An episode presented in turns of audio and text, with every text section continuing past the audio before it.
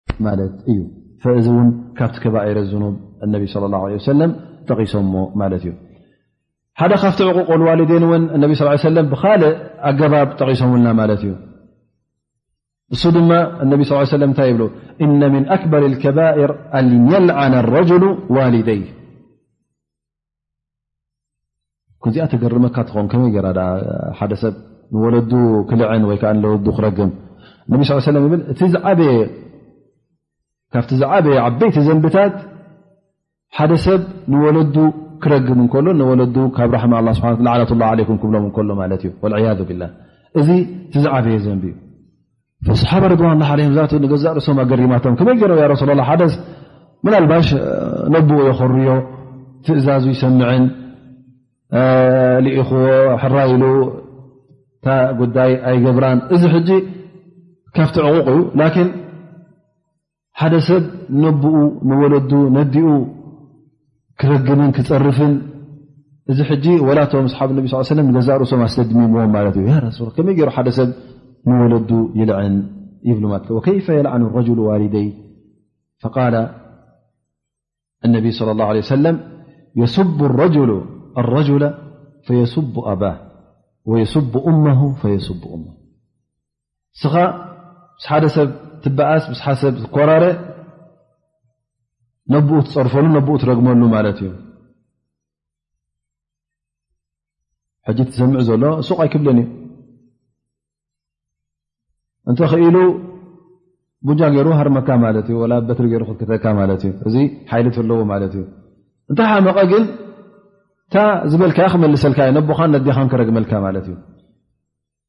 ስለዚ ስኻ ሕጂ እንታይ ትኾን ኣለኻ ሰበብ ነቲ ጉዳይ እዚ ነቦኻ ንክፅረፍን ኣዴኻ ንክፅረፍን ባዕልኻ ብኢድካ ዝኣተኻዮ ማለት እዩ ፈተሰበብተ ፊ ሊክ ሰበብ ስለ ዝኾንካ ነቦኻን ነዴኻን ዳርጋ ዝረገምካ ትቁፅር እዚ ሕጂ ሲባብ ወይ ከዓ ፅርፊ ይቁፅር ማለት እዩ ነ ሲባብ ሙስሊም ፍሱቅ ንዝኾነ እስላማይ እውን ክትፅርፍ ኣይግበኣካን እዩ ግን ትዝዓበየን ትዝበኣሰን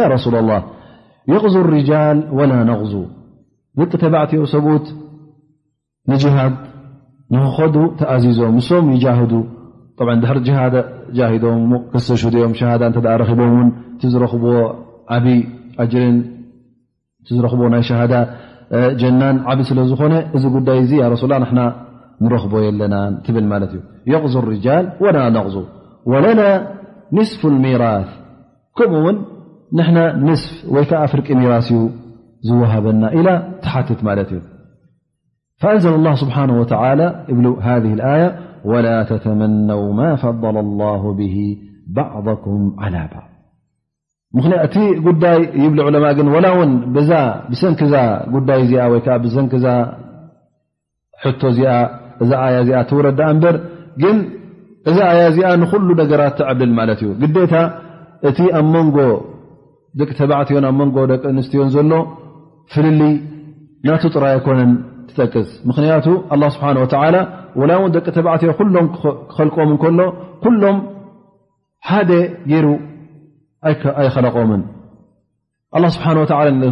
ገሊኦም ብጉልበት ዝሓሹ ዝበለፁ ገይርዎም ገሊኦም ብመልክዕ ዝበለፁን ዝሓሹን ገሊኦም ኣላ ስብሓን ወተላ ርዝቆምን ሽሻዮምን የብዝሓሎም ገሊኡ ገንዘብ ኣይቦን ላኪን ኣላ ስብሓን ወተላ ፍልጠት ይቦ ገሊኡ ድማ ሓንጎሉ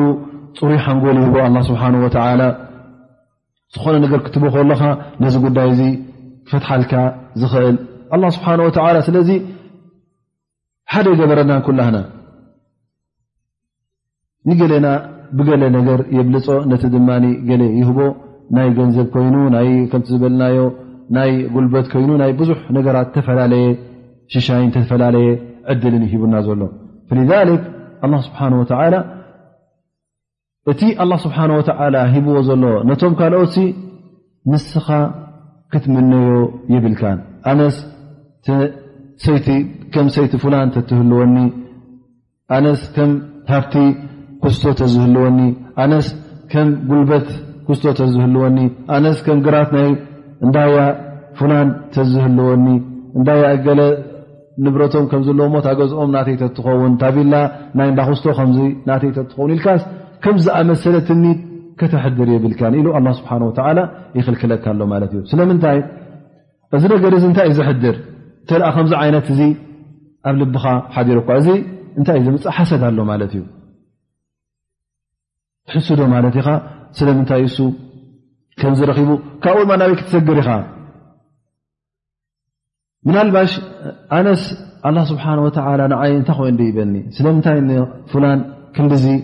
ዝኣመሰለ ሃብቲ ሂብዎ ስለምንታይ ንፍላን ክንዲዚ ውላድ ሂብዎ ስለምንታይ ንፍላን ፅብቕቲ ምልክዕቲ ሰበይቲ ከምኡ ውን ዓቃል ዝኾነ ሰበይቲ ለባም ሰበይቲ ሂብዎ ስለምንታይ ንፍላን ስብሓ ኢልካ ሕጂ እንታይ ትገብር ማለት እዩ ነቲ ኣላ ስብሓን ወተላ ዝቐሰሞ ነቲ ኣላ ስብሓን ወተዓላ ዝቐደሮን ዝወሰኖን ኣንፃሩ ከበይ ገይሩ ዝኮይኑ እሞ ኣላ ስብሓን ወተዓላ ተጋጊእ ገይርዎ ትብል ኣለኻ ማለት እዩ ወይ ከዓ ኣላ ስብሓን ወተዓላ ንዓይ ዓሚፁኒ ንፍላን ንፍላን ሂብዎም ንዓይ ዓሚፁኒ ትብል ኣለኻ ማለት እዩ ኣላ ስብሓን ወተዓላ ዓመፀኛ ኣይኮነን ወማ ረቡካ ብላምን ልዓቢድ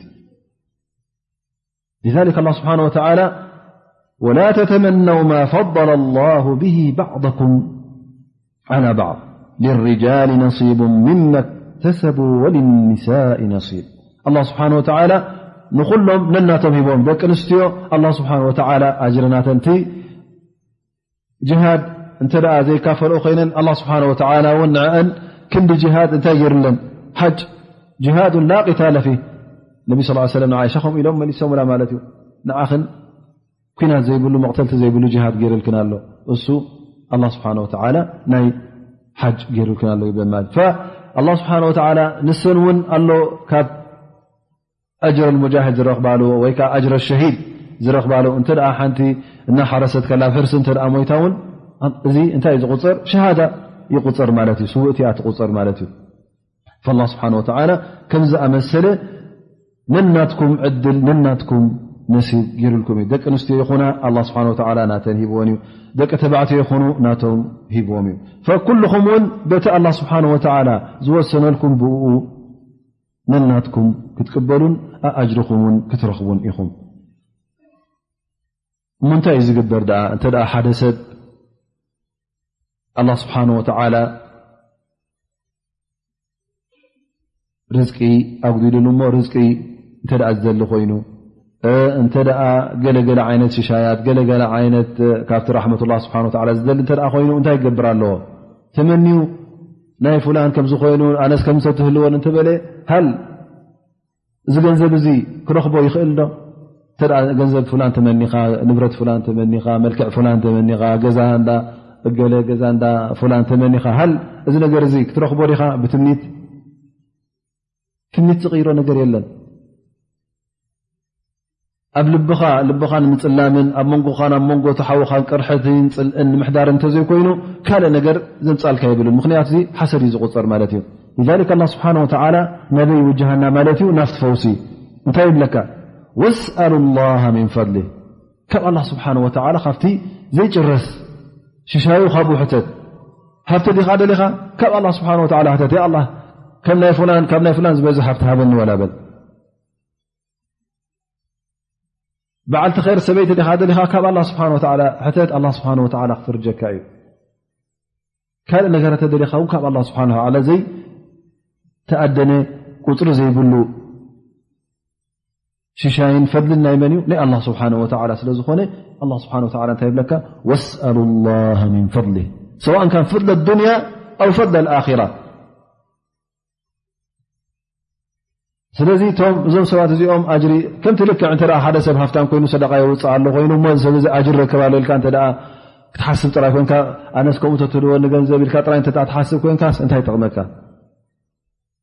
ወላ ሓንቲ እንታይ ደኣ ካብ ኣላ ስብሓን ወላ ትሓ እተ ኣላ ስብሓ ወላ ሂቡካ ከምኡ ጌርካ ከምኡ ትረክብ ማለት እዩ ናይ ኣራ ኣጅር ዲካ ደሊ ዘለካ ካብ ኣላ ስብሓ ወ ሓተቶ ብድዓ ኮይኑ ብክር ኮይኑ ብተውባ ኮይኑ ብሰናይ ዘረባ ኮይኑ ብዝኾነ ይኹን እቲ መገዲ ኣጅሪ ናይ ኣራ ክፉት እዩ ካብ ኣላ ስብሓ ወላ ሕተቶ እቲ ናይ ኣዱንያ እውን ካብ ኣላ ስብሓ ወላ ሕተቶ ኣላ ስብሓን ወላ ክህበካ እዩ ወስኣሉ ላሃ ምን ፈضሊ ስለዚ ንዓይ ሕተቱ ካብቲ ሽሻይ ናተይ ክህበኩም ذሊክ ላ ስብሓን ወተላ እዚ ኣያ እዚኣ ብምንታይ ኸትማ ማለት እዩ እና ላሃ ካነ ብኩል ሸይء ዓሊማ ኣላ ስብሓን ወተላ ካብኡ ዝሕባእ ነገር የለን ፍፁም ፈላጥ ዝኾነ ኣላ ስብሓን ወተላ እዩ ድኣ እምበር ካልእ ካብኡ ዝፈልጥ የለን እሱ እውን ነቶም ባሮቱ ኩሎም ብብሓደ ይፈልጦም እዩ እቲ ናይ ኣዱንያ ነገር ዘስተሕቕ ናይ ኣዱንያ ነገር ይህቦ እንተ ድኽነት ዝግብኦ ኮይኑ እውን ኣላ ስብሓን ወተዓላ የድክዮ ምናልባሽ እዚ ሰብ እዚ እተ ዝሀፍትሞ ነይሩ ምናልባሽ ነቲ ሃፍቲ ምክኣሎን ምካሓደ ድኻ ኣላ ስብሓ ተዘዘህፍትሞ ነይሩ ምናልባሽ ተሃፍቲ ትሕሶ ትኸውን መገዲ ሓቂ ተትሕዞ ቶባ ተብሎ ንጀና ተእትዎ ትኸውን ተዘህፍቲ እዚ ሰብ እዚ ምክን ሙጅርም ምኾነ ነይሩ ብዙሕ ጌጋታት ዝፈፀመ ነይሩ ኾን ከምኡውን ሃፍታም ኣላ ስብሓን ወተላ ትሕሶ ከም ምኳና ስለ ዝፈለጠ ነቲ ሃፍታም እውን ሃፍቱ ሂብዎ ኣሎ እቲ ኣብ ኣራ ጀና ዝግብኦ ድማ ኣላ ስብሓን ወላ ይፈልጦ እዩ እቲ ዘይግብኦ እውን ኣላ ስብሓን ወላ ይፈልጦ እዩ ኩሉ ምንቅስቃትና ስለ ትፈልጦ ኣላ ስብሓን ወላ ነናትኩም ይሂብኩም ዘሎ ስለዚ ናይትን ናይትን ክትምነ የብልካን ር ዲኻ ደኻ ፈሊ ስብሓ ወ ዲኻ ካብ ኣላ ስብሓን ወላ ሕተት እስኻ ትሪኦ ዘለኻ ውን እኹል ኣረኣያ ኣይኮነን ምናልባሽ ናይትን ናይትን ሃፍቲ ትርኢ ኣለኻ ናይትን ናይትን ገንዘብ ትርኢ ኣለኻ ናይትን ናይትን ምቹእ ናብራ ትርኢ ኣለኻ ግን እንታይ ኣፍለጠካ ዝሰብ ዝፅባሕ ንግሆ ንጀና ድዩ ንጀሃነብ ትፈልጥ ዶ ኣይትፈልጥን ኣይትፈልጥን ኢኻ ላኪን ኣላ ስብሓን ወላ ኣዕለም ምንክ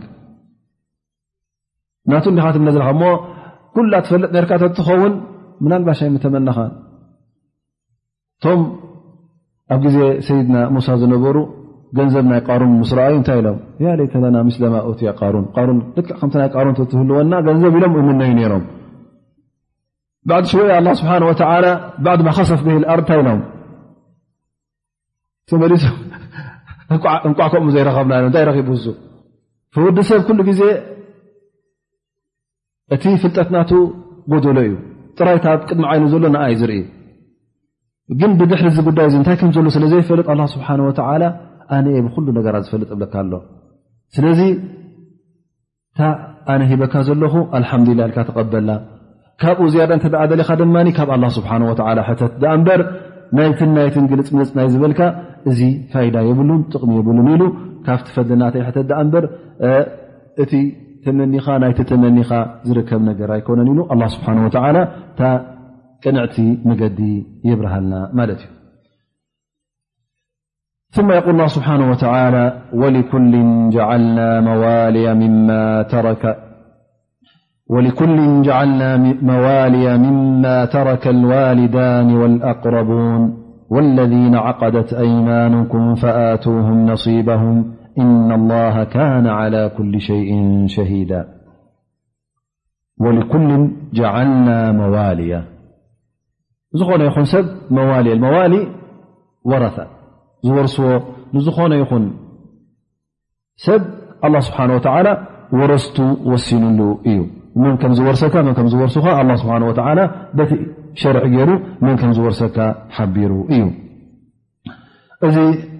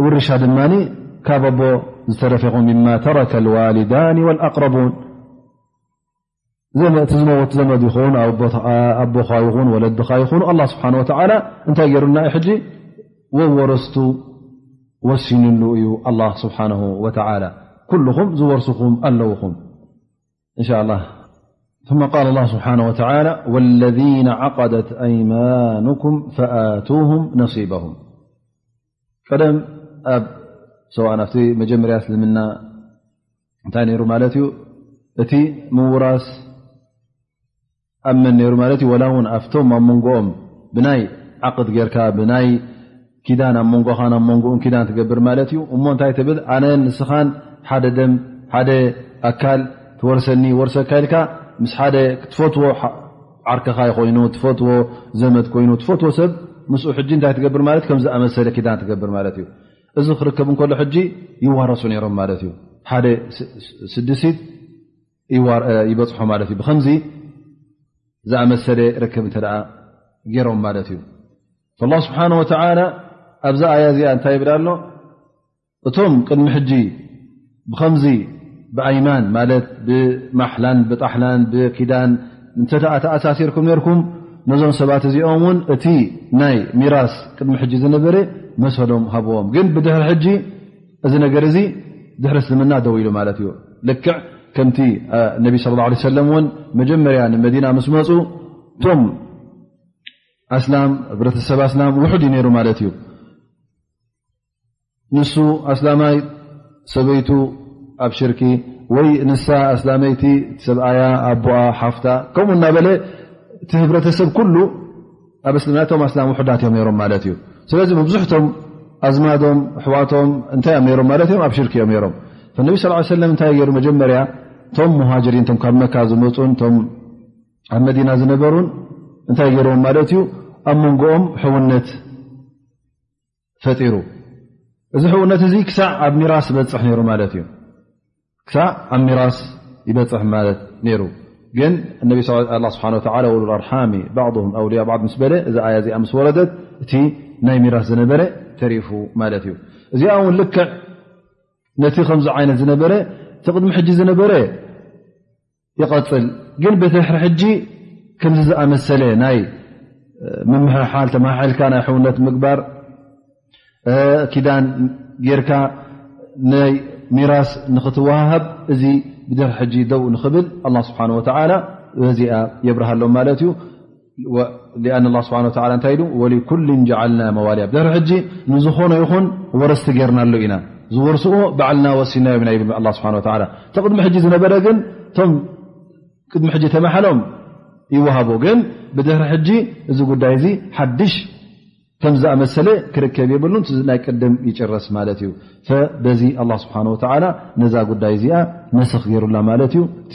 ሕውነትን እቲ ምውራስን ጥራይ ብዝምድና በቲ ኣላ ስብሓ ወላ ዝወሰኖ ኣቦ ካብ ውላዱ ክንደይ ከም ዝወርስ ኣደ ካብ ውላዳ ክንደይ ከም ዝወርስ ኣሕዋት እንታይ ከም ዝወርሱ ኣባሓጎን ኩሉ እዚ ጉዳይት እዚ ከምቲ ኣላ ስብሓን ወተላ ዘብርሃኩም ገይርኩም ከምኡ ቀፅሉ ይብል ማለት እዩ እቲ እንታይ ተሪፉ ግን ይብሉ ዑለማ ወለذ ዓቀደት ኣይማንኩም ፈኣቱም ነصበም እቲ ናይ ሚራስ ተሪፉ ግን እንተ ደሊኻ ወስያ ክትገብር ትኽእል ኢኻ እንተ ምስ ሓደ ሰብ ፅቡቕ ዕርክነት ሕውነት ነይሩካ ኮይኑ ተኣሳሲርካ ኣላ ስብሓን ወተላ ተን ሲሶ ካብን ካብተን ሓደ ሲሶ ካብን እተ ወስያ ጌርካ እዚ ግን ይፍቀደካ ማለት እዩ ከምኡ ውን እቲ ካልእ ሸነክ ናይ ምትሕግጋዝን ናይ ምትሕቁቋፍን ናይ ምድግጋፍን ዝነበረ እዚ ጉዳይ እዚ እውን ክቕፅል ይከኣል እዩ ግን እታ ውርሻ እታ ፍልጥቲ ኣወራርሳ ግን ኣላ ስብሓን ወተላ ወሲንዋ እዩ ዝማረስ ነገር ኣላ ስብሓን ወተላ ባዕሉ ከመይ ከም ምኳኑ ሓቢርኩም እዩ እታ ናይ ሚራስ ትትረፍ ኢሉ ኣላ ስብሓን ወተላ በዚ ጉዳይ እዚ ይስር ዘሎም ማለት እዩ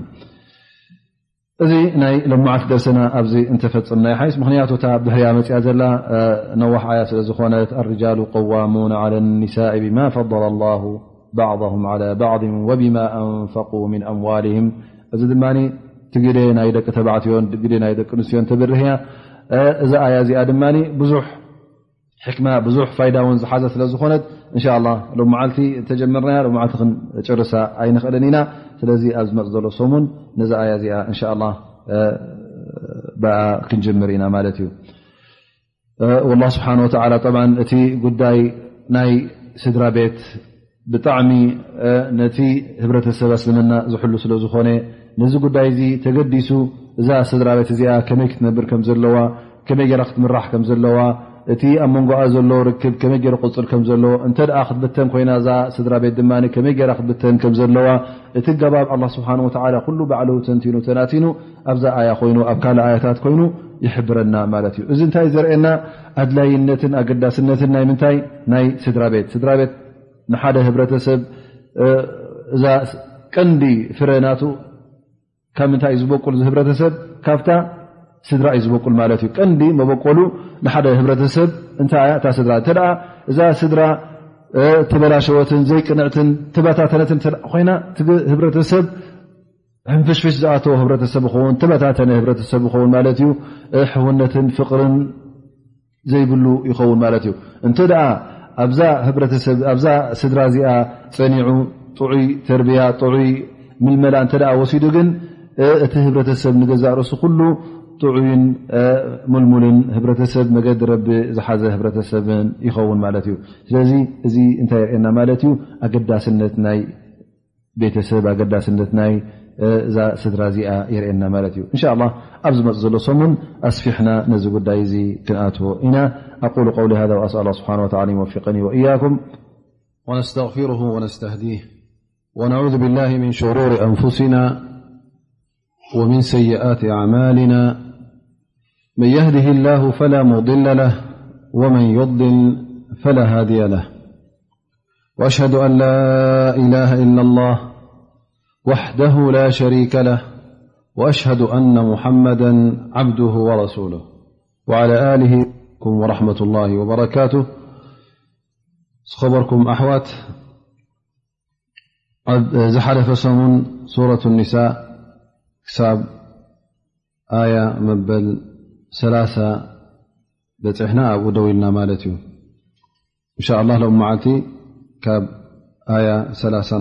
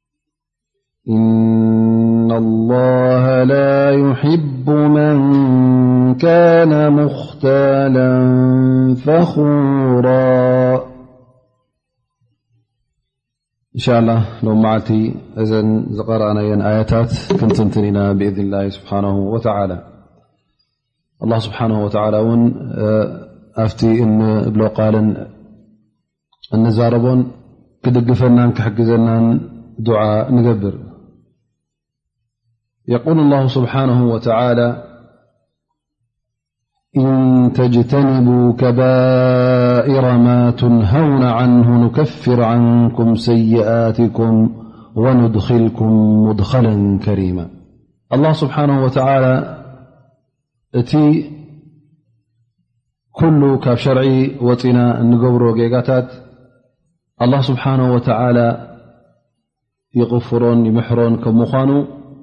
ይነግረና ኣሎ ማለት እዩ ብዘይካ ሽርክ እንተ እቲ ዘይኮይኑ ኣላ ስብሓን ወተላ ወላት ከባይረ ዝኑብ እውን እንተ ቶባ ኢልካ እስትቕፋር ጌይርካ እውን ኣላ ስብሓን ወተላ ይድምስሶ እዩ ግን እቲ ሰጋይር እቲ ንኣሽቱ ድማ ኣላ ስብሓን ወተላ በቲ ሰናይ ነገራት እትገብሮ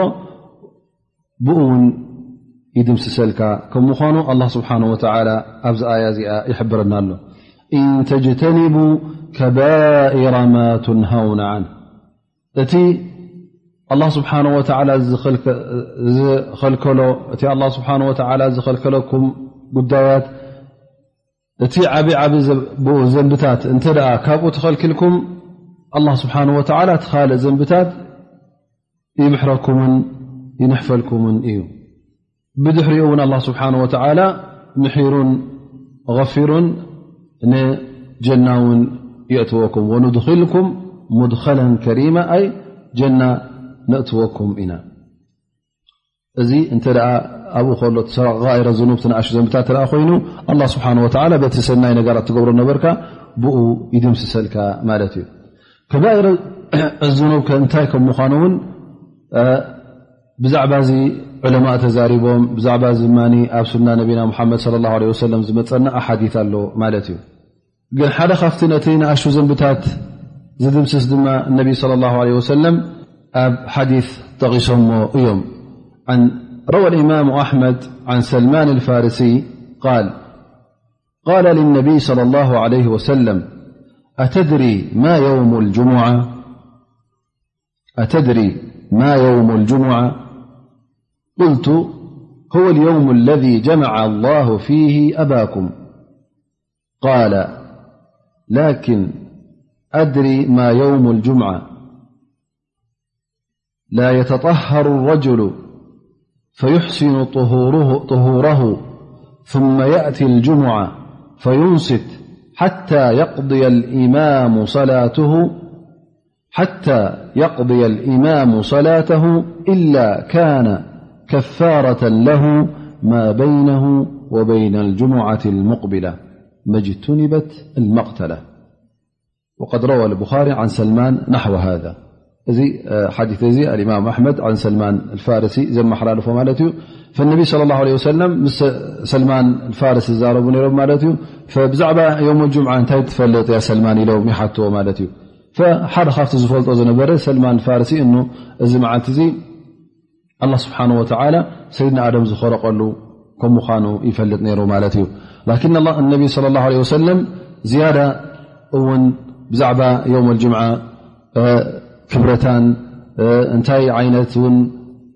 እተ ነዛ መዓልቲ እዚኣ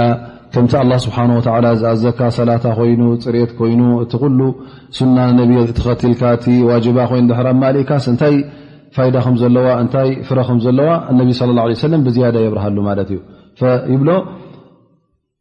ላ የተጣሃሩ ረጅሉ ዝኾነ ሰብ ማለት እዩ ሰላት ጅምዓ ካብ ወተባዕታይ ትጥለብ ንመስጊድ ክኸይድ ማለት እዩ ፈኢዘ እንተ ደኣ ሓደ ሰብ ሓደ እስላማይ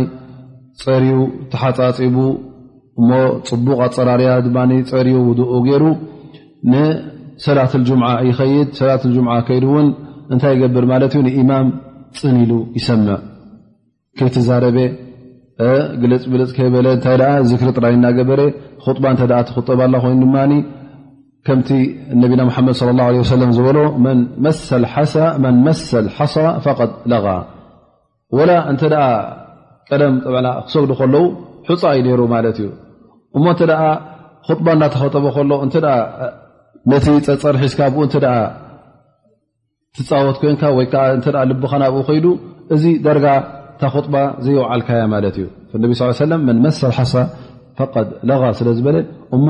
ፅን ኢልካ እቲ ኢማም ዝብሎ ዋዕዝ ኮይኑ ማ ዝብሎ ዕልሚ ኮይኑ ማ ዝህበካ ዘሎ መምርሒ ፅን ኢልካ እንተ ሰሚዕካ ክሳዕ እቲ ኢማም ነዛ ኽጥብኡ ወዲኡ ብድሕሪኡ ድማ ሰላቱ ሰጊዱ እዛ ሰላት ድማ ምስኡ ሰጊድካያ ከምቲ ኣላ ስብሓን ወላ ዝኣዘካ ይብል ነቢ ስ ሰለም እንተ እዚ ጌርካ ኩሉ እዚ ነገር እዚ እንታይ እዩ ከፋራ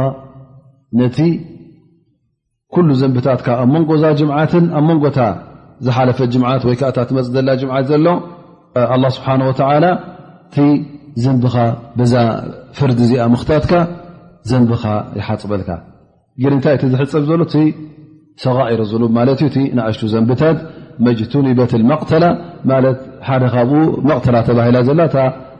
ተህልቀካ ማለት እዩ ወይ ሰብ ቀትል ወይ ውን ከምኡ ዝኣመሰለ ዘንቢ እተ ጌርካ ንዓኻ ተህልቕ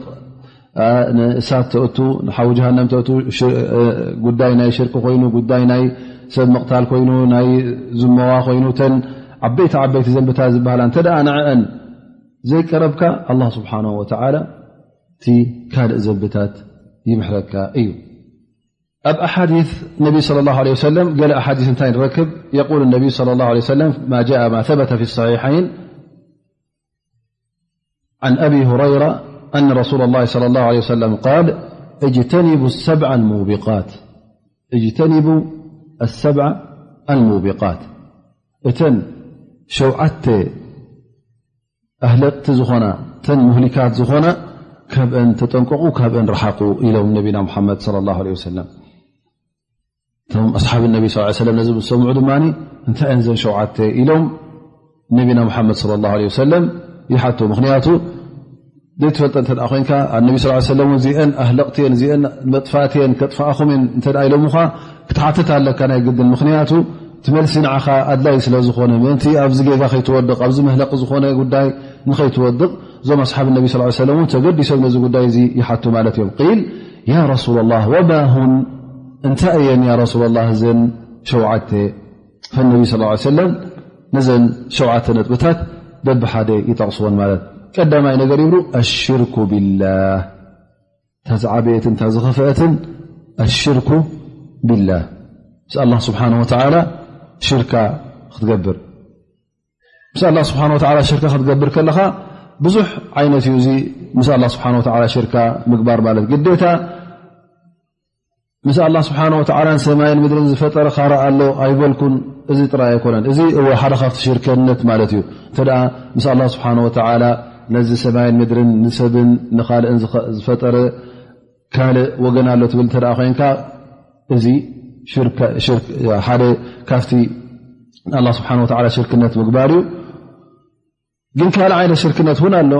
ንኣላ ስብሓን ወተላ ወይ ኣብቲ ናቱ ኣምልኾት ኡሉህያ ናብኡ ሽርክነት ገብር እንተ ደኣ ተረኪብካ ማለት ንኣላ ስብሓን ወተላ ዝግባእ ኣምልኾት ምስጋድ ኮይኑ ምፃም ኮይኑ ሓጅ ምግባር ኮይኑ ምሕራድ ኮይኑ ዱዓ ምግባር ኮይኑ ካብኡ ሓገዝ ምጥላብ ኮይኑ እዚ ነገራት እዚ እተ ትገብር ኣለካ ኮይንካ እዚ እውን እንታይ እዩ ዝቁፅር ምስ ኣላ ስብሓን ወተላ ሽርካ ትገብሩ ኣለካ ማለት እዩ ምክንያቱ ብጀካ ሓደ ኣላ ስብሓን ወተላ ንካልእ ፈፂምካ ኣምልኾት ክትህብ የብልካ ኩሉ ኣምልኾት ንመን ኢካ ትቦ ንኣላ ስብሓን ወተላ እዩ በብ ዓይነቱ ኣምልኾ ዘሎ ንኣላ ስብሓን ወተላ ክትህቦ ስለ ዘለካ እንተ ሓደ ካብዚ ነጥብታት እዚ ንፍጡር ንእምኒ ንምስሊ ንሰብ ንገረብ ንመላእካ ንነብይ ንሸክ ንዓልም ንወሊ ንገሌልካ እተ ካብቲ ናይ ኣላ ስብሓን ወተላ ገለገለ ነገራት እተ ናብዚ ሰብ ዚ ወይከዓ ናብዚ ወገን እ ናብዚ ፍጡር እዚ ተ ኣልጊብካ እንተ እዚ ዓይነት እምነት ኣለካ ሰብኣን ብልብኻ ወይ እውን ብግብርኻ እተ ትርእዮ ኣለካ ኮይንካ እዚ ሕጂ እንታይ እዩ ዘቁፅር ማለት እዩ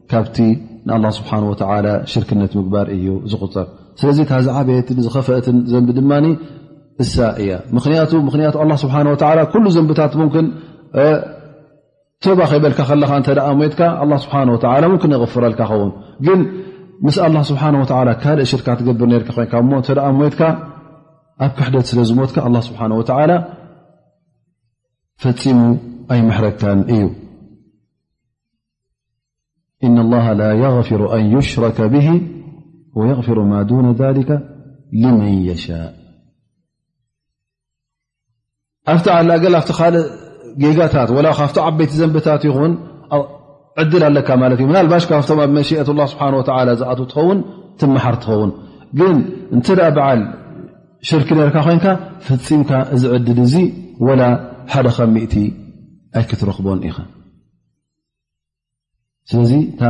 ዓባይ ነጥቢ ዘላ ክንጥንቀቐላ ዘለና እዚኣ ያ ነቢ ስ ሰለ ን ካብተን ዓበይቲ ነገራት ኣብዚኣ ይጠቕሳ ማለት እዩ ቃል ኣሽርኩ ብላ እዚኣ ቀዳመይቲ ካልኣይቲ ወቀትሉ ነፍስ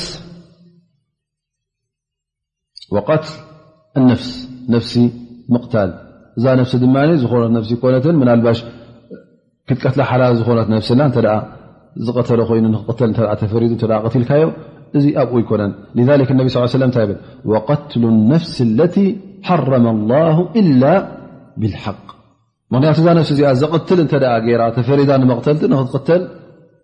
ሰውኣን ኣነቕተላ ላ ስክተላ እተ ብተፈሪዱ በቲ ፈራዳይ ዝበሎ እተ ተኣዚዙ ላ ዝኾነ ሰብ ንክትቀትል በታ ተፈረዶ ፍርዲ ኣላ ስብሓን ወላ ክተቕም እተ ኮይኑ እዚ ነፍሲ እዚ ጉቡኣ እዩ እቲ መቕተልቲ ስለ ዝኾነ ትቕተል ማለት እዩ ላ ስብሓን ወላ ዝሓረማ ነብሲ እንተ ቀትልካ ግን እዚ ካብቲ ዓብ ዝኾነ ዘንብታት እዩ ከምኡ ውን ላ ስብሓ ነቢ ስ ሰላም የን ወስሕር ሳልሰይቲ ስሕር ስሕር ምግባር ስዋ ንሰብ ቀትልካ ኣይቀተልካ ግን እተ እዚ ነገር ዚ ትጥቀመሉ ኣለካ ኮይንካ ስሕር ንገዛእ ርእሱ ካብቲ ዓበይቲ ዘንብታት ይቁፅር ምክንያቱ ስሕር ዝጥቀም ሰብ ወይ ስራይ ዝጥቀም ሰብ እዚ ሰብ እዚ እንተ ናብዚ ጉዳይ ክበፅሕ ኮይኑ ወይ ብኣላ ስብሓን ወተላ ክሒዱ ወይ ከዓ ዓብዪ ዘንቢ ሽርካ ገይሩ እዘ ከምዝኣመሰለ ዘንብታት ገይሩ እዩ ናብኡ ዝበፅሕ ዳኣ እምበር እንተ ስሕር ዝገብር ኮይኑ ብቀሊል ነገር ስለ ዘይበፅሕ ፈን ኣላ ስብሓን ወተላ ካብቲ ዓበይቲ ዘንብታት ቆፂርዎ ካልኣይ ነገር ድማ እዚ ሰብ እዚ ንሰብ ስለ ዝጎድእ ብምቕታል ኮይኑ ብምሕማም ኮይኑ ብካል ዓይነት ኣብ መንጎ ሰብኣይን ሰበይትን ዘሎ ፍቕሪ ሰብኣይን ሰበይት ዝገበሮ ሓዳር ንኸፍርስ ኩሉ ግዜ ስርሑ እከይ ጥራይ ስለ ዝኾነ ትዘንብናቱ ድማ ኣላ ስብሓን ወተላ ዓብዪ ይገብሮ ማለት እዩ እዚአን ሰለስተ እየን ራብዐይቲ ወኣክሉ ሪባ ሓረጣ ምብላዕ ሓረጣ ምብላዕ ምኽንያቱ እዚ ዘይገንዘብካ ብላዕ ስለ ዝኾነ ኣላ ስብሓን ወተዓላ ካብቲ ዓበይቲ ዘንቢ ገይሩ ኣብ ቁርን ይኹን ኣብ ሱና ነቢ ለ ላ ለ ሰለ ን ብብዝሒ ነዚ ጉዳይ እዚ ንረኽቦ እቲ ሪባ እቲ ሓረጣ ዝበሃል እዚ ሓረጣ ድማ ሓደ ዓይነት ኣይኮነን ብዙሕ ዓይነት እዩ ዘሎ ኣብዚ ግዜና ድማ እናተባዝሐ ከይዱ ብዝያዳ ድማ ስሩዕ ናይ ከም ስራሕ ዓይነት ኣብ ቅድሚ መንግስትን ኣብ ቅድሚ ህዝብን ፍሉጥ ዝኾነ ቦታን ፍሉጥ ዝኾነ ስራሕን ዘለዎ ከም ትካል ቆይሙ እዩ ዝኸይ ዘሎ ሕጂ ስለዚ ትሪባ ንገዛ ርእሱ እናበዘሐን እናተባዝሐን ስለ ዝኸይ ዘሎ ኩላህና ካብዚ ጉዳይ እዚ ክንጥንቀቕ ኣለና ማለት እዩ ከምቲ ነቢና ሓመድ ص ሰለ ዝበልዎ እውን ኣብ መጨረሻ ዓለም እቲ ሪባ ካብኡ ክትጥንቀቕሲ ኣይትኽእልን ኢኻ ምኽንያቱ ስለ ዝበዝሕ ወላ እንተዘየርከበልካስ ዶሮንኡ ውን በፅሐ የርክበልካ ኢሎም ነቢና ሓመድ ص ه ለ ሰለም ስለዚ እንታይ እ ማለት እዩ እቲ ናይ ሪባ ናይ ሓረጣ ጉዳይ ሲ እናስፋሕፍሐን እናወሰኸን እዩ ዝኸይድ ኣብ ጅቦኻ ውን ከይተፈለጠካ ክኣቱ ስለ ዝኾነ ካብዚ ጉዳይ እዚ ኩሉ ግዜ እዚ ገንዘብ እዚ በየን ከም ዝመፀካ በየን ከም ዝወፅእ ዘሎ ከመይ ርካ ከም ዝረከብካዮስ ኩሉ ግዜ ተጠንቂቕካ ክትወስድ ከም ዘለካ ተጠንቂቕካ ኣብ ጅባኻ ክተእቱ ከም ዘለካ እዩ እዚ ሓበሬታ ካብ ነቢ ሙሓመድ ለ ላ ለ ሰለም መፅኡካ ዘሎ ብድሕሪ ኣ ነቢ ስ ሰለም እንታይ ጠቕሱ ወኣክሉ ማሊ ልየቲም ሓሙሸይቲ ወኣክል ማል ልየቲም ገንዘብ የቲም ምብላዕ ንእሽተይ ቆልዓ ህፃን ከሎ ሰብኣይ ክንዲ ሰብ ከይኣኸለ ከሎ ነዚ ሰብ እዚ ንእሽተይ ርኢኻዮ ድኹም ርኢኻዮ ዘይፈልጥ ርኢኻዮ እሞ ነቲ ገንዘቡ ኣብ ክንዲ ትሕልወሉን ኣብ ክንዲ ኣብ ፅቡቕ ቦታን ተቐምጠሉን ወይ ከዓ ውን ነዚ ገንዘብ እዚ ተባዝሖን ንስኻ መፅእካ ክትበልዕ ከለኻ ሕጂ እዚ ዓብ ወንጀል ይኸውን ማለት እዩ ዓብ ጌጋ ነዚ ጉዳይ ዚ ድማ እነቢ ስለ ላ ለ ሰለም ካብቲ ከባኢሮ ዝኑ ካብቲ ዓበይቲ ዘንብታት ከም ምኳኑ ይጠቕሱልና ማለት እዩ ሻድሸይቲ ወተወሊ ዮም ዛሓፍ እዚ ድማ ኣብ ዓውዲ ኩናት ኣቲኻ ንጅሃድ ኢልካ ክትቃለስ ከለኻ ኣብዚ ቃልሲ እዚ ኣትኻ ከለኻ እንተ ካብዚ ኩናት እዚ ሃዲምካ እዚ እንታይ ይቁፅር ማለት እዩ ካብቲ ሸውዓተ ዓበይቲ ዘንብታት ኣህለቕቲ ዝኾና ዘንብታት እሰብዐል ሞቢቓት ዝበለን ነቢ ለ ሰለም ካብኡ ይቁፅር ማለት እዩ እንተ ኩናት ኣኻ ብ ዓውዲ ናት ኣኻ ፈፂምካ ክትሃድም ይብልካ ምክንያቱ እንታይ እዩ ዘርእካ እዚ ጉደት ናይ ኢማን ከም ዘለካ ብሓደ ወገን ንስኻ ፅኑዕ ኢማን ከምዘይብልካ ተርኢ ኣለኻ ማለት እዩ ምክንያቱ ሓደ ሰብ እተ ኣብ ኩናት ኣትዩ ናይ ኣተወን ታ ሞት መዓልቱ እተ ኣኪላ ክመውት ከም ምኳኑ ክኣምን ኣለዎ ማለት እዩ እቲ ኣስላማይ ሞት ኣላ ስብሓን ወተላ ዝከተባ ከም ምኳና ኣብዘይ መዓልቲ እውን ከምዘይመውት እዚ እምነት ክህልዎ ኣለዎ ካልኣይ ነገር ክትሃድም ከለኻ እቲ ጉድኣት ንዓኻ ጥራይ ኣይኮነን እንታይ ደኣ ንምሉእ ሰራዊት ትጎዳእ ኣለኻ ማለት እዩ እቲ ምሳኻ ዘሎ እተ ትሃድም ኣለኻ ንዓኻ ርኡ ዝሃድም ኣሎ ስለዚ እንተ እውን ብሰንኪኻ ብሰንኪ ምህዳምካ ውን እቲ ፀላኣይ እስኻ ሒዝካ ዝነበርካ ቦታ እስኻ ሒዝካ ዝነበርካ ዕርዲ ንዑ ስለትኸፍት ንዑ ምስ ተኽፈተ ብኣኻ መፅኡ ነቲ ሰራዊት ኩሉ ክጎድእ ስለዝኽእል ሰራዊት ተጎዲኡ ውን ኩሉ ህብረተሰብ ብድሕሬኻ ዘለዎም ክጉዳእ ስለዝኽእል እነቢ ስለ ላ ሰለም እዚ ጉዳይ እዚ ካብቲ ዓበይቲ ዘንብታት ከም ምዃኑ ይሕብሩና ማለት እዩ ብድሕሪኡ ታሻውዐይቲ ኣይ ጠቕሱ ወቀذፍ ሙሕሰናት ሙእምናት غፍላት ቐذፍ ማለት ቦግ ኣቢልካ ብዘይ ሓቂ ንሓንቲ ክብርትን ልእልትን ዝኾነት ጓል ንስተይቲ ብሓሶት እዛ ሰብ እዚኣ ከምዝን ከምዝን ትገብር ያልካ ናይ ዝሙዋ ዓይነት ክትፅርፋ ከለኻን ከተካፍኣ ከለኻን እዚ እንታይ ይቁፅር ማለት እዩ እዚ ካብቲ ዓበይቲ ዘንብታት ይቁፅር እሞንታይ ኣለዋ ዛዕዳይ ፅርፍያ ኩሉካ እዳትፃርፍ እቲ ትፀርፍ እስኻ ትፀርፈኒ ንሱ ፀርፈካ እዚ ጉዳይ እዚ እነቢ ስለ ላ ለ ሰለም ቀሊል ከም ዘይምዃኑ ነቲ ሕብረተሰብ ከም ዘበላሹ እስኻ ነዛ ሰብ እዚኣ ጥዕይቲ ዓፊፋ ክብርቲ ንከላ ሰይቲ ሰብኣይ ትኹን ኣይትኹን ክብርቲ ከላ እዛ ሰብ እዚኣ ከምዝ ከምዝ ያ ትገብልካ እተ ተዛሪብካ እተ ኣውሪኻ እንታይ ካ ትገብር ዘለኻ ማለት እዩ ቀዳማይ ነገር ንዓ ዘይገበረቶ ሓሲኻ ተልግበላ ኣለኻ ማለት እዩ ብድሕሪኡ እዛ ሰብ እዚኣ ብሰንክኻ ክትጉዳ እተ ዘይተመርዓወት ኮይና ብድሕሪ ሕጂ ዝምርዓዋ ኣይክትረክብን እያ እንተ ተመርዕያ ራ ኮይና ውን እቲ ሓዳር ስኻ ሕጂ ተበላሽዎ ኣለኻ ሕንፍሽፍሽ ተእትወሉ ኣለኻ ማለት እዩ እዛ ሰብ እዚኣ ከምቲ ዝበልናያ እቲኣ ወይ እቲኣ ክትፍታሕ እያ እቲኣ ድማ ሰብ ዝቐርባ የብሉን እንተ ከምዝኣመሰለ ቲ ህብረተሰብ በዚሑ እንታይ ክኸውን ማለት እዩ ዝፍታሓን ዘይተመርዓዋን ብሰንኪ እቲ ሕንፍሽፍሽ ዝኣቱ ዘሎ ሓሶት ዝንዛሕ ዘሎ እዘን ከምዝኣመሰላ ይባዛሓ ብድሕሪኡ እውን እዘን ሰባት እዚአን ኣብ ጌጋ ክወጥቃ ስለ ዝኽእላ እቲ ህብረተሰብ ኩሉ ይህሰሎ ማለት እዩ ሕጂ ሰኻታ ቀላል ትብላ ዘለኻ ዘረባታ ቀላል መልሓስካ ዘውፃእካያ ነቲ ህብረተሰብ ኩሉ ትጎድእ ስለ ዘለ ኣብ ነቢ ለ ላ ለ ወሰለም ጥራይ ነቲ ሓንቲ ሰብ ኣይኮነን እንታይ ደኣ ነዛ ሰብ እዚኣ ጎዲኡ ካብኣ ውን ናብቲ ህብረተሰብ ክመሓላለፍ ስለ ዝኾነ ነዚ ጉዳይ እዚ ዓብዪ ዘንብኸም ምዃኑ ይሕብሩና ማለት እዩ ስለዚ ሓሲኻ ቦግ ኣቢልካ ናይ ዝምውና ዓይነት ዘለዎ ፀርፊ ንጓል ንሰይቲ ንሓንቲ ክብርቲ በዚ ጉዳይ ዘይትፍለጥ ከምኡ ውን እዚ ጉዳይ ዚ ከም ትገብር ብቅድሚ ሕጂ ዘይተፈረደት ከላ ወይ ከዓ ፍርዲ ዘይበፃሓ ከሎ እዛ ሰብ እዚኣ ባዕልኻ ብዘይ ወላ ርኢኻ ውን እንትኾንካ እተ መሰኻኽር ዘየለዉ ኮይኖም ውን እንተ እዚ ዘረባ እዚ ካባኻ ወፅኡ ኣርባዕተ መሰኻኽር ተ ደምፃእካሉ እዛ ሰብ እዚኣ ነዚ ነገር እዚ ከም ዝፈፀመት እዚ እውን ቐዘፊ ድሕሰብ ወላ ክልተ ኹኑ ወላ ብዓይንኹም ረኣዩ ርኢኻ ከለኻ ኣደብ ክትገብር ኣለካ እተ ኣርባዕተ ሰብ ኮይንኩም ነዚ ጉዳይ እዚ ኣብ ኣርባዕተኹም ዝረኣኹሞ እተ ኮይንኩም እዛ ሰብ እዚኣ ወይከዓ እቲ ዝገብር ዘሎ ትፋሕሻ ነዚ ጉዳይ ዝገብር ዘሎ ሓድ ዝሓለፈ ወይከዓ ዶብ ዝሰገረ ስለ ዝኾነ እሞ ከዓ ፍርህያት ረቢ ዘይብሉ ወላ ነቲ ህብረተሰቡ ዘየኽብር ኣብ ቅድሚ ሰብ ከም ዝኣመሰለ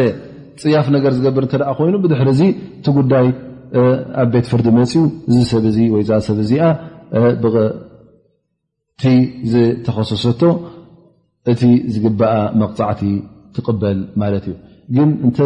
ሓደ ሰብ ክልተሰብ ኮይን ዋላ ርኢኻ ከለካ ውን ኣደብ ክትገብር ኣለካ ማለት እዩ ምክንያቱ እንተ እዚ ጉዳይ ዚ ኣብ ቤት ፍርዲ ኣዚ ናይ እስልምና ማሕከማ እተ በፂሑ ቐዝፍ እዩ ዝቁፅር ብሓሶት ነዛ ሰብ እዚኣ ኣፀሊምካዮ ማለት እዩ ዘይገበረቶ ከምዝገበረቶ ጌርካ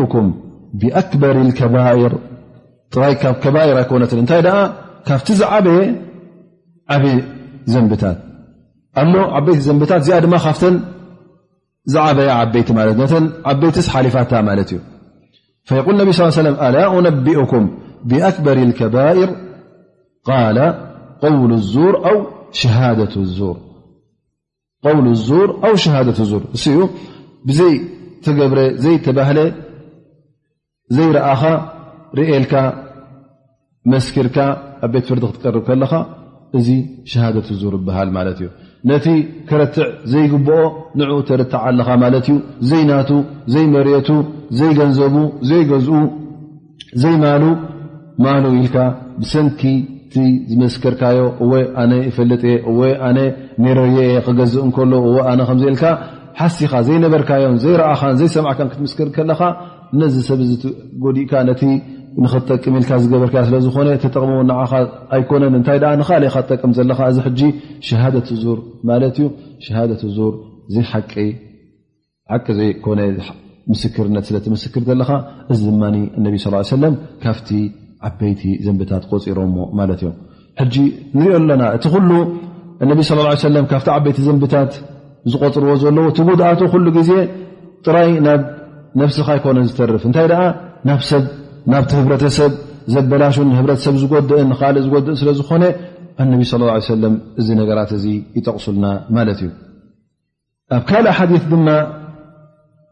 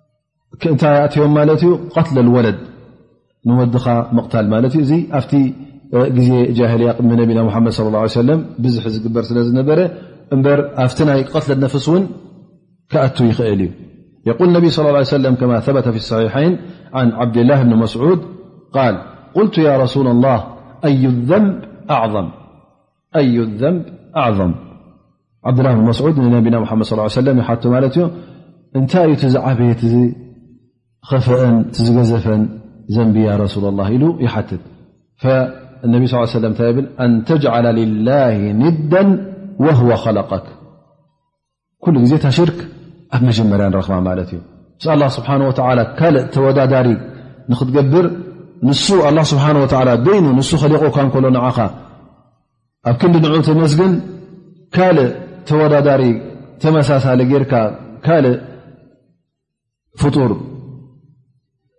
ክተምልኽ ከለኻ እዚ ሓደ ዝዓበየት ዝበእስን ዝኸፈአን ዘንቢ ኢሎም ንእብና ሓመድ ص ሰለ ይጠቕሱ ማለት ዓብድላ መስዑድ እንደገና እውን ይሓትት ቁልት ثመ ኣይ ድሕሪኡ ኸ ያ ረሱላ ላه ካብ ሽርኪ ብድሕሪኡ ተርታ ዝመፅእ እንታይ እዩ ፈቃለ ኣነቢ ስ ሰለም ኣን ተቅቱለ ወለደከ ኸሽየተ ኣን የጥዓመ ማዓክ ውላድካ ምእንቲ ከይትሰርፈሉ ቀለብ ከይከብደካ ተርብያ ንኸይከብደካ ነዚ ውላድ እዚ ክትቀትል ከለኻ እዚ እንታይ እዩ ዝቁፅር ካብቲ ከባይረ ዝድኑብ ቀደም ኣብቲ ጃህልያ ኣብቲ ቅድሚ ነቢና ሓመድ ስ ሰለ እስልምና ከይመፀ ከሎ ዓረብ እንታይ እዮም ዝገብሩ ነሮም ብሕልፊነተን ደቂ ኣንስትዮ ብንእሽተኦ ከለዋ ብህፃናተ ከለዋ ኣብኡ ከለዉ ከይቀተልዎ ብምድፋን ጥራይ ይቀትልዎ ሮም ይደፍንዎ ሮም ማለት እዩ ምክንያቱ እዛ ሰብ እዚኣ ብሓደ ወገን ወይ ፈዲሓ ከይተምፃለይ ዘምያ ኣቢላ ወይ እውን እዛ ሰብ እዚኣ ሓንቲ ረብሓ የብላን ወተባዕታይ ምስ ጎበዘ ተዋጊኡ ተቢሉ ገንዘብ የምፅእ ሰሪሑ የእቱ ገንዘብ እዛ ሰብ እዚኣ ግን ኣብ ገዛ ኮፍ ኢላ እንታይ ክትገብርለ እያ ክትበልዕ ክሰተ ጥራያ እሞኒ ንክሳራ እዩ ኢሉ እንታይ ይገብር ነይሩ ማለት እዩ ይቀትል ነይሩ ማለት እዩ እዚ ጉዳይ እዚ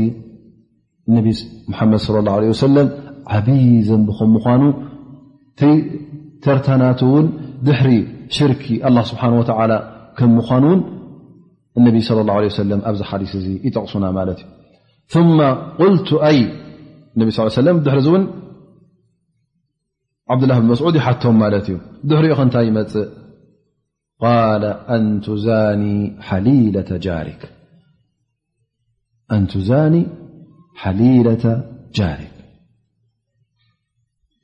ጥራይ ዝምዋ ኣይኮነን ግን ዝምዋ ካብኡ ብዝያዳ ድማ ምስታ ሰይቲ ጎረቤትካ ማለት እዩ ሓሊለ ተጃሪብ ጎረቤትካ ማለት እዩ ምስ ጎረቤት ምስ እንተ ዝሙና ፈፂምካ እዚ እውን ዝበእሰን ዝኸፍአን እዩ ጥራይ ሓንቲ ዝሙና ኣይኮነ ዝቁፅር ግን ዓሰርተ ዝምውና እውን ይቁፅር ኢሉ ነቢ ስ ሰለም ኣብ ካልእ ሓዲ እንተ ርኢና ኣንቱዛኒ ሓሊለታ ጃሪክ ምኽንያቱ ጎረቤት ኩሉ ግዜ ምስጢር ናይ ጎረቤቱ መብዙሕ ትፈልጦ እዩ ሰብኣይ መዓስ ከም ዝኣቱ ትፈልጥ መዓስ ስራሕ ከም ዝኸይድ ጌሹ ሎ ጌሹ የለን እዛ ሰበይቲ እዚኣ ኣላዶ የላን ፅብቕቲ እዚኣ ፅብቕቲ ይኮነት ብዙሕ ነገራት ክትፈልጥ ትኽእል ኢኻ ስለዚ እንተ ደኣ እከይ ክትፍፅም ኮንካ ንስኻ ከይተጠርጠርካ ከለኻ ውን ክትገብሮ ትኽእል ማለት እዩ ምኽንያቱ ጎረበት ስለ ዝኾኑ እስኻ ኣብ ገዛኻ ዘለኻ ተመሲልካ ብዙሕ ነገራት ክትፍፅም ስለ ትኽእል እዚ ጉዳይ እዚ እነቢ ስለ ላሁ ለ ወሰለም ዓብዪ ጉዳይ ቆፂሮሞ ማለት እዮም እዚ እንተ ዝርከብ ኮይኑ ድማ እተ ጎረባብቲ ንነሕዶም ዘይተኣማመኑ እተ ኮይኖም እሞ እስኻ ሕጂ ክትወፅእ ከለኻ ካብ ጎረቤትካ እናፈራህካ ብድሕረይ እዚ ሰብ እንታይ ይገብር ኸውን ኢልካ ሰርቀኒ ድዩ ኣይሰርቀኒን ከምዚ ንስድራ ጓዳ ዶ ኣይጎድኣኒ ኢልካ እንተ ደኣ እዚ ስምዒት እዚ ኣብ ልብኻ ወላ ዓሰርተ ካብ ሚት እንተ ኣሎ ኮይኑ ምናልባሽ ስራሕ እውን ትገድፎ ትኾኑ ኣብ ክንዲ ስራሕ ምኻድ ኣብ ገዛ ኮፍ ክትብል ኢኻ ማለት እዩ ወይ እቲ ስራሕካ መንጎ መንጎ ክኸውን ዩ ማለት እዩ ስለዚ እቲ ህብረተሰብ ሕጂ ኩሉ ጉዳእ ኣሎ ማለት እዩ ነንሕትካ እተ እዚ ዓይነት ጥርጠር ኣሎ ኮይኑ እሞ እቲ ጎረቤት ንጎረቤቱ ዘይኣምን እተ ኮይኑ ከምቲ ነቢና መድ ስ ሰለም ካልእ ሓዲ ተዛሪና እነቢ ስ ሰለም ላዩእምን ሰለስተሻ እነቢ ስ ሰለም ምሒሎም ማለት እዮም ስሓባ ርድዋን ላ ም መን እዩ ዚ ያ ረሱላ ላ ኢሎም ክሳዕ ክንዲዚ እነቢ ስ ሰለም ሰለስተ ሻዕ ትምሕልሉ ዘለኹም ኢሎም ይሓቱ ማለት እዮም ፈየቁል ነቢ ስ ሰለም መን ላ የእመኑ ጃራሁ በዋኢቃ እንተ ደኣ ጎረቤትካ ካባኻ ኩሉ ግዜ ዝጥርጥርን ዝፈርህ እተ ኮይኑ እሞ እስኻ ኩሉ ግዜ ተጓዛ እተ ኮይንካ እዚ ሰብ እዚ ር ዘይብሉ ጎረቤት እዩ ዝበሃል እተ ኮይኑ እንታይ ኸውን ማለት እዩ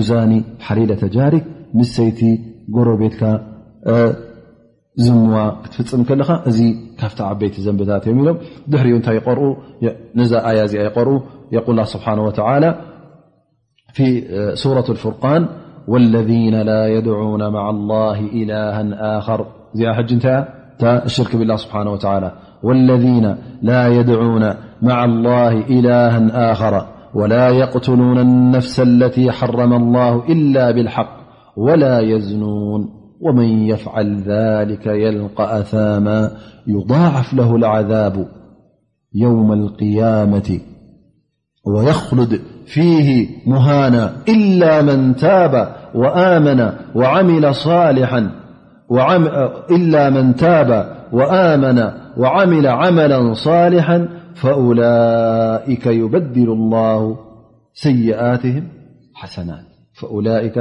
እንተ ቶባ ኢልካ እንተ ካብቲ ትገብሩ ነበርካ ጌጋታት ተመሊስካ ናብ ልብኻ ተመሊስካ ናብ ረብኻ እተ ተመሊስካ ኣላ ስብሓን ወላ ፋር ዝዝኑም ጥራይ እዚ እውን ኣይኮነን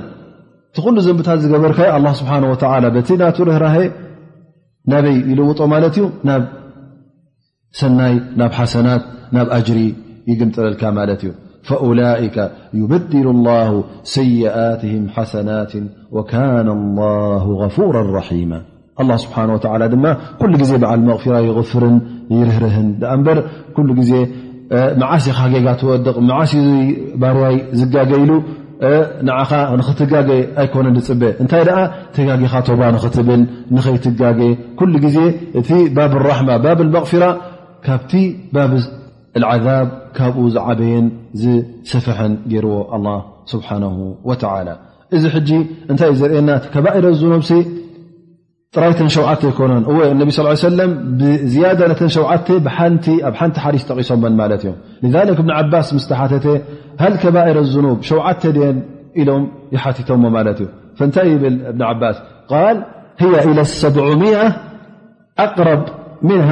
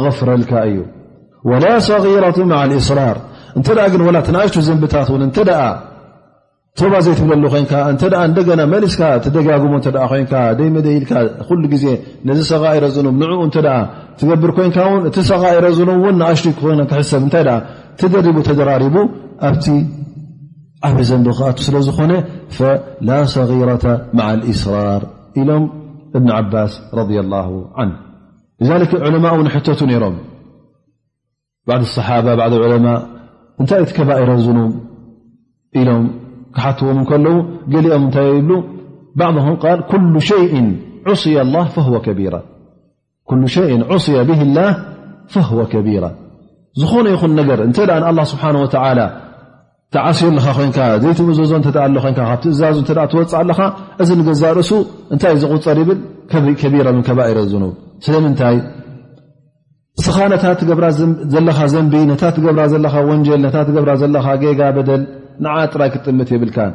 ግን ነቲ ዝኣዘዘካ ክትጥምት ኣለካ መን እዩ ነዚ ጉዳይ እዚ ኣይትግበሮ ኢሉ እኳ እንከሎ እስኻ እምቢ ኢልካ ነዚ ጉዳይ እ ዝትገብር ዘለኻ ወይ ከዓ ግበሮ ተባልካ ከለኻ ነዚ ትእዛዝ እሽልካ ብ ክንዲ ትቕበሎ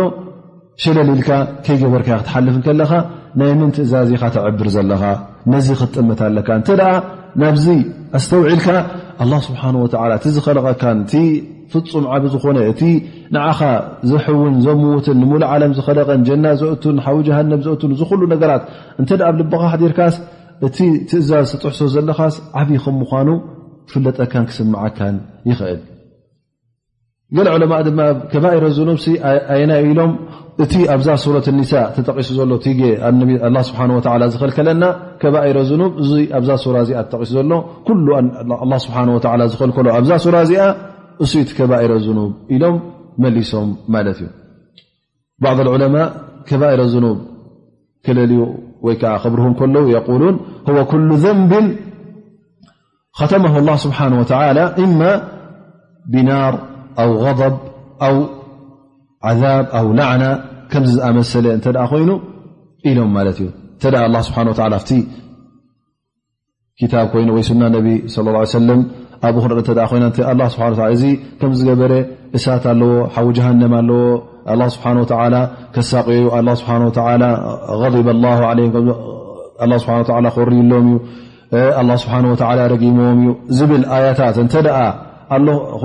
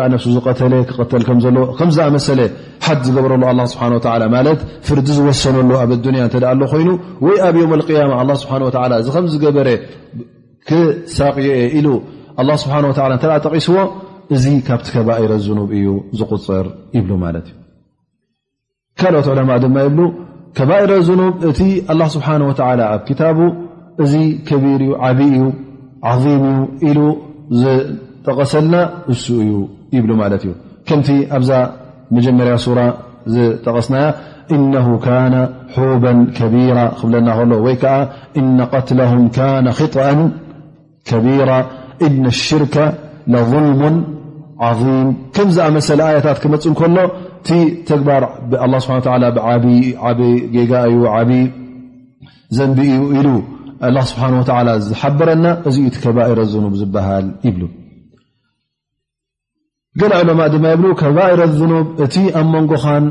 ኣብ መንጎ ባሮትን ዘሎ ምስሕሓብ ማለት እዩ ማለት እተ ሓደ ሰብ ሓደ ባርያን ሓደ ከማኻ ወዲ ሰብ እንተ ኣብ ኣዱንያ ዘሊምካዮ ዓሚፅካዮ ፅባሕ ንጎ እዛ ጉዳይ እዚኣ እንተ እዚ ሰብ እዚ ዘይ ሳምሓካ ካብኡ ሳምሓ እተ ጠልብካ ፅባሕ ንጎ ኣላ ስብሓን ወተዓላ በዛ ነጥቢ እዚኣ ስለ ዘይሳምሐካ እዚ ካብ ከባኢሮ ዝኑብ እዙ ዝቁፀር ኣብ መንጎኻን ኣብ መንጎ ሰብን ዘሎ ግን ኣብ መንጎኻን ኣብ መንጎ ኣላ ስብሓን ወላ ትገብሮ ጌጋ ኣላ ስብሓን ወላ መብዝሕቲ ይቕፍሮ ስለ ዝኾነ እዚ ካበይ ይቁፀር ይብሉ ካብቲ ሰጋኢረ ዝኑብ ይቁፀር ይብሉ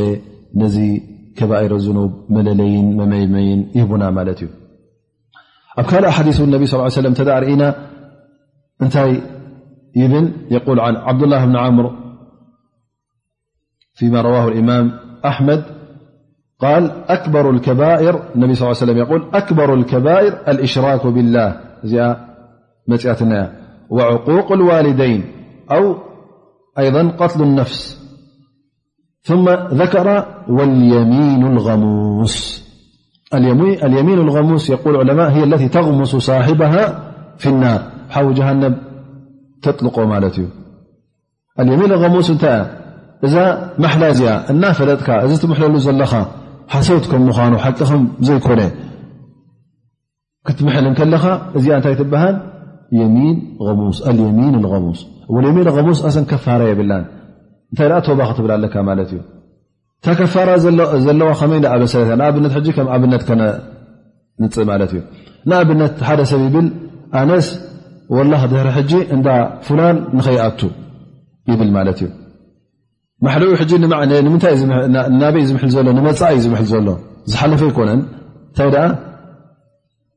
ዝመፅእ ዘሎ ይምሕል ኣሎ ማለት እዩ ወላ ኣነስ እዳክስቶ ፈፂመ ድሕሪ ሕጂ ንኸይኣቱ ኢሉ ንኣብነት ድሕሪ ወርሒ ድሕሪ ክልተ ወርሒ ኣትዩ ሃል እዚኣ የሚን ኸሙስ ትቁፅር ወላ እንታይ እዚኣ የሚን ኸሙስ ኣይኮነን እዚኣ ሕጂ ነዛ ዝገበራ እንታይ እዩ ዝገብረላ ከፋራ ኣንፃሩ ሓደ ሰብ ንኣብነት ይብል ኣነ ወላ እንዳ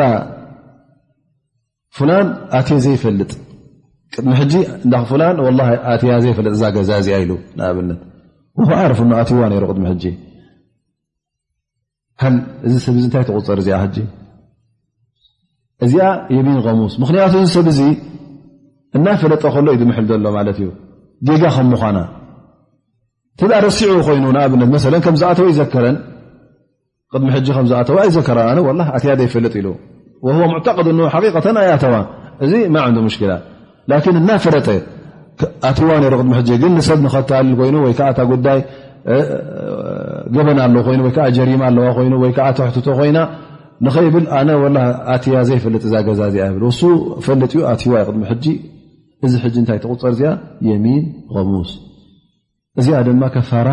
የብላን እንታይ እያ ከፋራኣ እዚ ሰብ እዚ ካብዛ ጌጋ እዚኣ ቶባ ክብል ኣለዎ ማለት እዩ ቶባ እንተዘይኢሉ ተኽሙሱ ሳሒባ ሕጂ እዚኣ ሕና ኣብ ንታይ እያ ንፅና ዘለና ኣብቲ ቀሊል ነገር ኢና ጠቂስና ዘለና ግን እዚ ማሓላ እዚ በዚ ሰንኪ እዚ ማሓላ እዚ ገንዘብ ሰብ ክትበልዕ ትኽእል ኢኻ ዘይ ገንዘብካ ወላ እዚ ኣነ ገንዘበ እዩ ቅድሚ ክልተ ዓመት ዝገዛእክዎ ካብ ፉላን ገዜኤልካ ትምሕል እቲ ምሳኻ ዝማጎት ዘሎ በይና የብሉን ንኣብነት እዛ ሰ እዚኣ ምሳኻ ንኣብነት ዛማይ እዚኣ መፅኡ እዚኣ ናተ ኢሉ ኣነ ናተ ቤት ፍርዲ ከትካ ምስክር ኣለካ ዶ ኢሎሞ ኣነ የብለይ ንምስክር እሞስ ከዓ ከተምሐልዶ እዚኣ ኣብትካ ዘላ ናትካ ከም ምኳና ናቱ ከምዘይኮነት እወ ኣነ ምሐል ኢለ ይምሐል ሳ እናፈለጥኩ